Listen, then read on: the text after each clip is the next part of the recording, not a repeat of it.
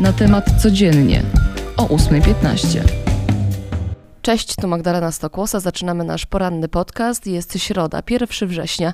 I tak dziś rozpoczyna się nowy rok szkolny ku uciesze wielu rodziców, ale też i dzieci. Zajęcia mają w całym kraju odbywać się w trybie stacjonarnym, przynajmniej póki co. W szkołach ma obowiązywać reżim sanitarny oczywiście, częsta dezynfekcja, maseczki na korytarzach i wietrzenie klas między zajęciami.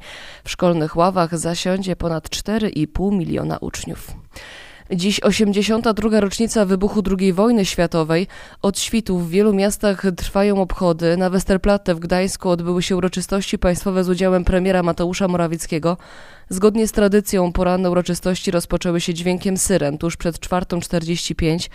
To o tej godzinie w 1939 roku rozpoczęło się bombardowanie Gdańska. Podczas uroczystości nie zabrakło mowy oczywiście o panującym na świecie kryzysie w związku z przejęciem przez talibów Kabulu. Dowódca polskiego kontyngentu wojskowego w Afganistanie, pułkownik Paweł Pytko, dziękował polskim żołnierzom za udaną akcję ewakuacyjną Polaków i Afgańczyków. W Wieluniu na uroczystościach rocznicowych był z kolei prezydent Andrzej Duda. A tymczasem nadal nie ma decyzji prezydenta Andrzeja Dudy w sprawie ogłoszenia stanu wyjątkowego na granicy z Białorusią. Z takim wnioskiem zwrócił się do niego wczoraj rząd, który chce go niezwłocznie wprowadzić w pasie przygranicznym o szerokości 3 km. Miałby trwać 30 dni i obowiązywać w 115 miejscowościach w województwie podlaskim i 68 w województwie lubelskim.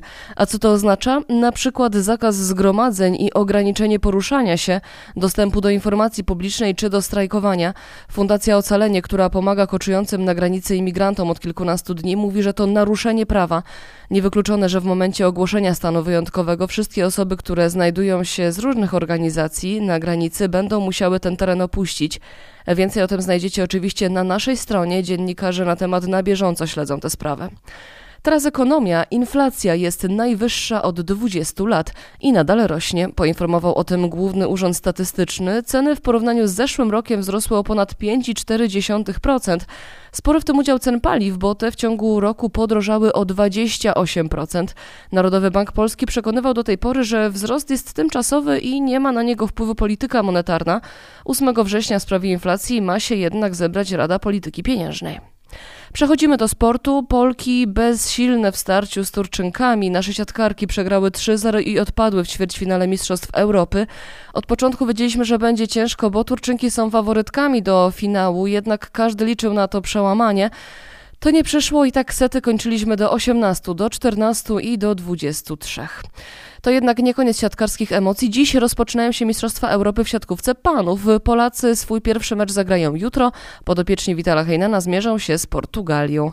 To teraz czas na paraolimpiadę. Od wczoraj oczywiście mamy więcej powodów do radości, a jakże. Kolejny medal, tym razem w pchnięciu kulą wywalczyła Lucyna Kornobys. Wynik 8 metrów i 60 centymetrów dał jej srebrny medal.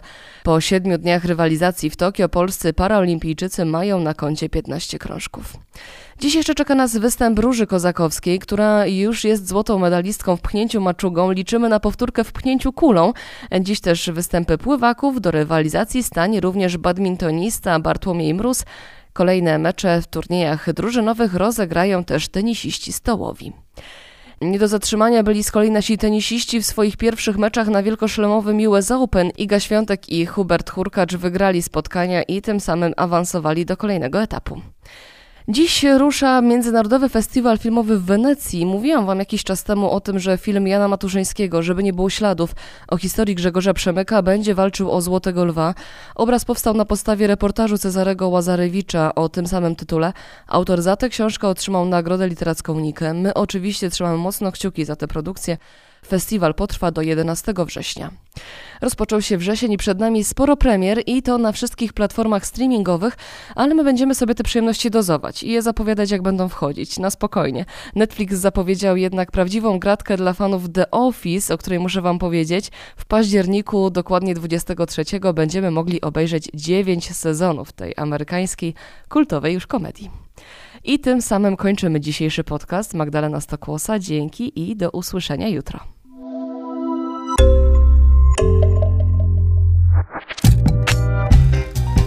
Na temat codziennie o 8.15.